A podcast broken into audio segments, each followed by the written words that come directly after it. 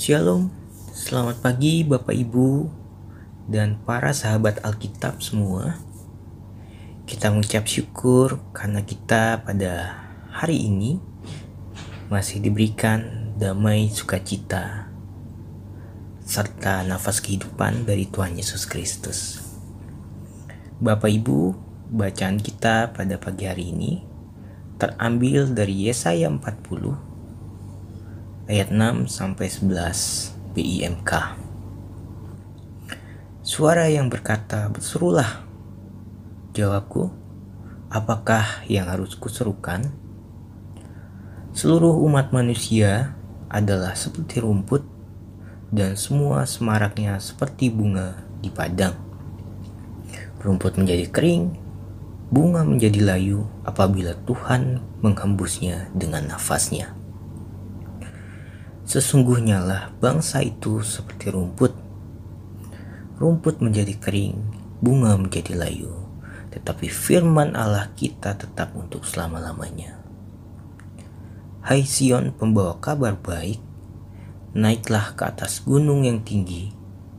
Hai Yerusalem pembawa kabar baik, nyaringkanlah suaramu kuat-kuat.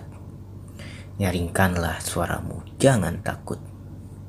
Katakanlah kepada kota-kota Yehuda, lihat, itu Allahmu. Lihat, itu Tuhan Allah. Ia datang dengan kekuatan dan dengan tangannya ia berkuasa. Lihat, mereka yang menjadi upah jeripayahnya ada bersama-sama dia. Dan mereka yang diperbolehnya berjalan di hadapannya.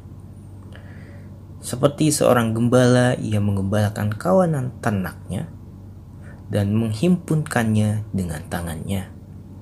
Anak-anak domba di pangkunya, induk-induk domba dituntunnya dengan hati-hati. Demikianlah firman Tuhan. Bapak Ibu, tema kita pada saat ini ialah kasih setianya tak terbatas. Pengalaman pembuangan menyadarkan umat Israel akan hakikat manusia sebagai makhluk yang fana dan rapuh. Seperti rumput dan bunga yang pasti kering dan layu. Manusia juga, umat Israel, apalagi orang Babel, akan dengan mudah dibinasakan oleh nafas kemarahan Tuhan. Hanya sabda Tuhan yang tetap kokoh dan tetap bertahan abadi itu hanya kasih dan kesetiaannya. Inilah pesan yang amat relevan bagi Israel selama pembuangan. Saat mereka mengalami krisis iman dan identitas, pembebasan yang sedang terjadi adalah bukti nyata dari kesetiaan Tuhan kita, Yesus Kristus. Sahabat Alkitab, sekarang Tuhan yang berkasa membawa umatnya pulang ke Yerusalem. Rombongan tersebut bagaikan sudah tiba di pinggiran kota, maka kedatangan Tuhan dan umatnya itu harus diumumkan sebagai kabar baik. Tuhan memimpin umatnya bagaikan seorang gembala. Ia memelihara mereka, khususnya yang lemah.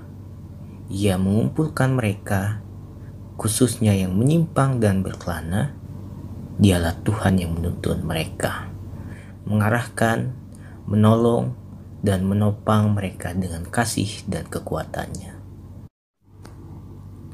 Penderitaan menyadarkan kita akan kerapuhan dan kefanaan kita.